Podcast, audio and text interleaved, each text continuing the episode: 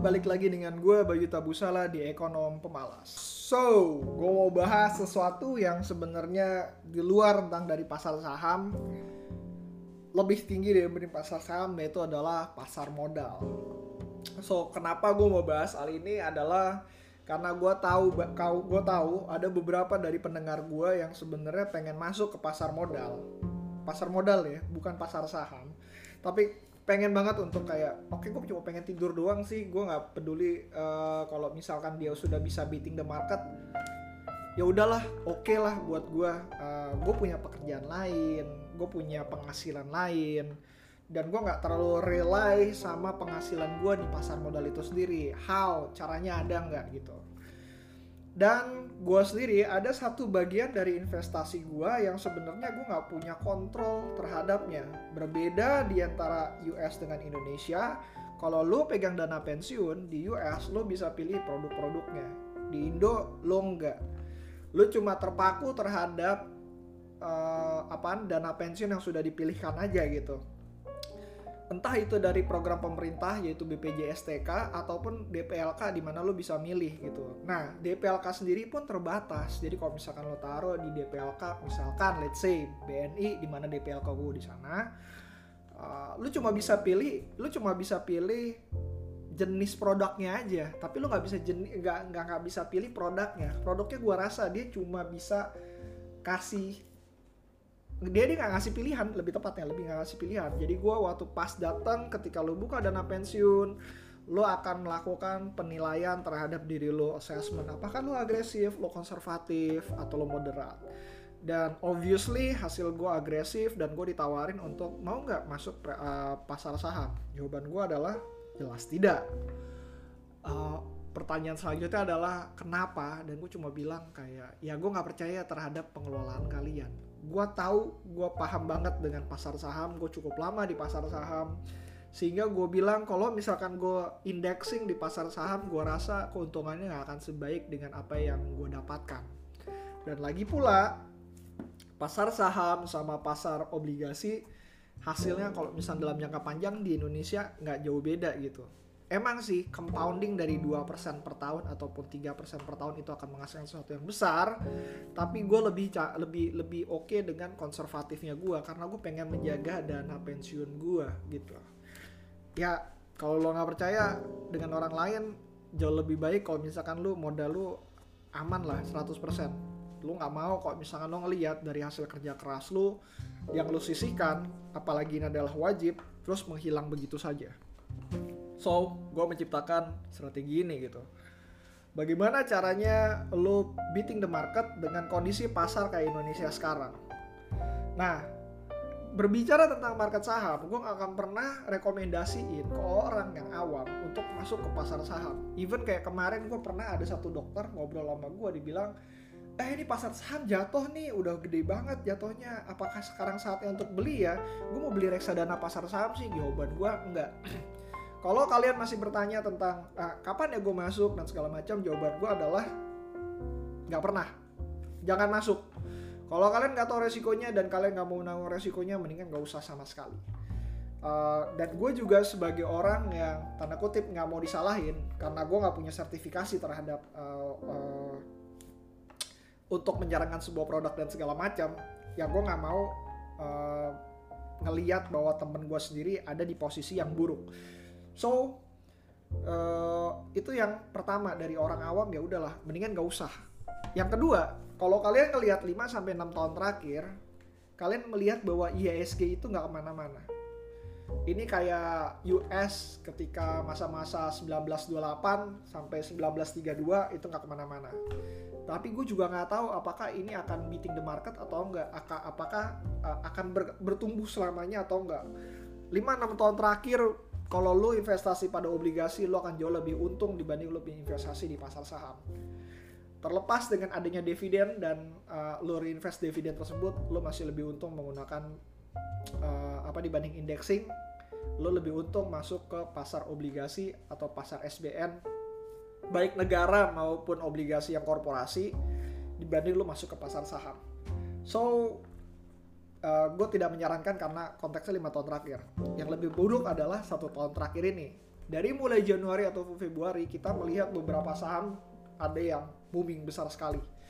Gue sebutin tiga, Bang Jago, uh, data center di CII, dan yang ketiga adalah Bukalapak. Indeks-indeks ini nggak dalam konstituen lu sebutin deh indeks 30, indeks 40, indeks 30, indeks 80, LQ45, Sri Kahati ataupun apalagi high dividend yield. Mereka tidak akan memasukkan uh, tiga saham tersebut ke dalam konstituennya karena mereka baru aja IPO dan ketika IPO-nya besar sekali mereka belum bisa memasukkan hal tersebut ke indeksnya tersebut. Dan kebetulan ketika mereka setelah IPO ternyata volatilitas mereka tinggi sekali dan hingga mempengaruhi pasar. Dan kebetulan lagi mereka outperform the market. So indexing menjadi tidak berguna. Kalau kalian ngelihat dari semua indeks yang tadi gue sebutkan, bandingkan dengan IHSG, kalian akan menemukan disparitas ataupun uh, performa yang benar-benar berbeda ketika sebelum 2021.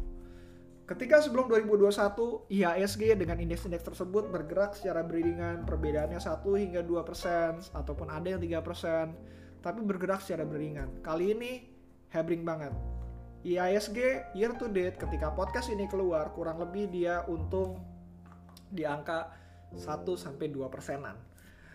Tapi lo ngelihat indeks-indeks yang lain, mereka adalah negatif, you name it, tebak, bukan satu, bukan dua, tapi negatif 12. 12. Even gua ngelola dana di kantor gua itu buruk sekali. Itu nyaris kayak negatif 10 sampai negatif 13. Semuanya yang bentuknya indexing. So pasar saham kita, pasar obligasi kita jauh lebih perform dibanding walaupun dengan kondisi yang tidak menentu seperti sekarang jauh lebih perform dibanding pasar saham kita. Even dalam kondisi terburuk pasar obligasi kita masih lebih perform dibanding pasar saham kita. Nah, dari semua yang ada, jadi kalau misalkan lu ngomongin tanya sama gue, baik gue pengen tidur segala macem, gue pengen masuk ke pasar modal tapi rekomendasiin gue sesuatu gue akan masuk ke dua hal. Satu pasar uang. Itu untuk menggantikan uang-uang yang lo ada di deposito lo yang kedua adalah pasar obligasi atau pendapatan tetap di pasar pendapatan tetap gue akan menyarankan untuk masuk ke obligasi negara. Jadi ada beberapa produk di luar sana. Obligasi itu ada dua ya obligasi negara dan obligasi korporasi. Gue tidak akan menyarankan untuk obligasi campuran yaitu yang obligasinya ada obligasi negara dan obligasi korporasi. Gue menyarankan untuk lu masuk ke dalam obligasi negara saja. Alasannya simpel lu cuma butuh untuk outperform the market dan lu nggak butuh uh, apa lu nggak butuh resiko lebih tapi kalau misalkan lu sudah menempatkan pasar uang udah pasar obligasi negara sudah kalau lu mau ngambil resiko lebih, jangan masuk ke pasar saham, tapi masuk ke pasar obligasi korporasi. Menurut gua masih akan lebih jauh outperform dibandingkan pasar modal uh, pasar saham kita. Nah,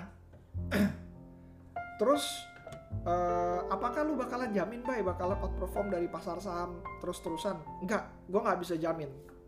At least yang gue bisa jamin adalah you will have a boring life Ketika lu punya boring life, kalian punya waktu lebih banyak senggangnya, kalian bisa melakukan hal yang lebih produktif dibanding hanya sekedar mantengin uh, perkembangan portofolio kalian. Dan dengan perkembangan portofolio yang lebih bagus, tanda kutip, 6 tahun terakhir gue sudah melakukannya, uh, kalian bisa mendapatkan extra income dari tempat lain lah. Even kalian bisa ya having fun dengan uh, keluarga kalian, having fun dengan kerjaan kalian, ataupun kalian bisa side job bagi yang punya bisnis ya bisa mengembangkan bisnis itu sendiri akan ada jauh hal yang lebih penting dibanding sekedar mantengin monitor ataupun mantengin perkembangan portofolio produk kalian. Gua sendiri sebagai orang yang uh, dinilai agresif bagi apa oleh oleh lembaga penilai ini ketika kehilangan uang ya rasanya sakit juga, rasanya sakit juga. Bahwa bahwa perasaan itu tuh sebenarnya nggak bisa kalian nilai ketika kalian masuk oh iya gue bisa eh, hilang uh, segala macam bla bla bla bla bla gitu. Nggak juga tapi begitu sudah involve dengan uang kalian sendiri dan involve tersebut sudah masuk bahwa kalian this is your hard earned cash yang kalian dapatkan kalian kumpulkan dan tiba-tiba hilang di pasar saham itu akan menjadi uh, pukulan tersendiri dan kemungkinan besar ada banyak dari orang-orang yang sudah terpukul kayak gitu malah uh, resist terhadap pasar modal. Gue tidak mau itu terjadi. Yang gue pengenkan adalah bagaimana cara kalian bisa uh, tanda kutip safe lah, bukan selamat tapi safe di pasar modal. Oke, kalau misalkan, baik gue pengen masuk masuk pasar saham. Kalau indeks lo nggak bisa percaya, terus bagaimana kalau misalnya gue benar-benar pengen masuk pasar saham gitu pasti ada lah opportunity dan segala macam oke gue temu uh, eh, gue kasih kalian lagi satu strategi untuk kalian yang benar-benar pengen masuk pasar saham yaitu dogs of the dough Dogs of the Dough itu sebenarnya adalah satu strategi yang diciptakan di luar negeri, obviously. Gue lupa siapa yang nyiptainnya juga. Intinya adalah bagaimana cara kalian beating di indeks tapi masih tetap bisa matanya merem. Jadi yang kalian lakukan, lu buka indeks apa pun pilihan kalian, indeks 80, indeks LQ45, indeks 30 atau Sri Kahati ataupun uh, syariah dan segala macam. Intinya apa pun yang kalian suka, buka aja indeksnya, bedah. Nah, di antara semua konstituen tersebut, kalian urutkan yang ngasih dividen yield paling tinggi pada harga saat itu. Kalian urutin aja gitu. Oke, dividen yield tahun lalu siapa sih yang paling tinggi? Kalian urutin. Pilih 10 besarnya aja dan kalian investasi di 10 besar tersebut. Downsize-nya apa? Pertama, kalian harus nyepatin waktu satu tahun sekali. Pilih hari satu tahun sekali, kalian harus buka portofolio tersebut. Kalian gak butuh banyak uh, rebalancing rebalancing, setahun sekali aja cukup. Kalau kalian mau banyak rebalancing, bisa kayak setahun empat kali, tapi tidak disarankan. Yang disarankan hanya setahun sekali. Kalian masih bisa tidur dan segala macam. Tapi ya itu, tiap setahun sekali kalian harus rebalancing. Yang kedua adalah modalnya gede cuy. Modal awalnya nggak seperti kalian masuk ke uh, reksadana di mana kalian bisa 100 ribu, oke gue masuk, gue punya semua indeks yang ada. Nggak, nggak seperti itu. Sebagai contoh, kalau kalian pegang indeks misalkan salah satu konstituen dari indeks 30 itu adalah gudang garam ya gudang garam sekarang harganya di 33.000. Ini contoh aja, 33.000. Dan ketika uh, kalian melihat oh dividen yieldnya gudang garam ternyata masuk ke uh, apaan? Masuk ke ini gua, masuk ke screening gua. Oke okay lah, gua akan masukin uh, gudang garam. Kalian butuh sekitar 3 juta 300. Kalau kalian punya uang 3 juta 300, kalau kalian ngomongin 10 saham dan ada tiga ada 10 saham yang mirip gudang garam, kalian butuh uang kurang lebih sekitar 30 juta. Uh, eh, gue bisa bilang, gue berani bilang gak semua orang punya uang 30 juta, jadi uh, tidak gue sarankan untuk bagi kalian yang punya uang tipis banget. Di lain pihak juga gue tidak menyarankan untuk masuk ke pasar saham itu sendiri.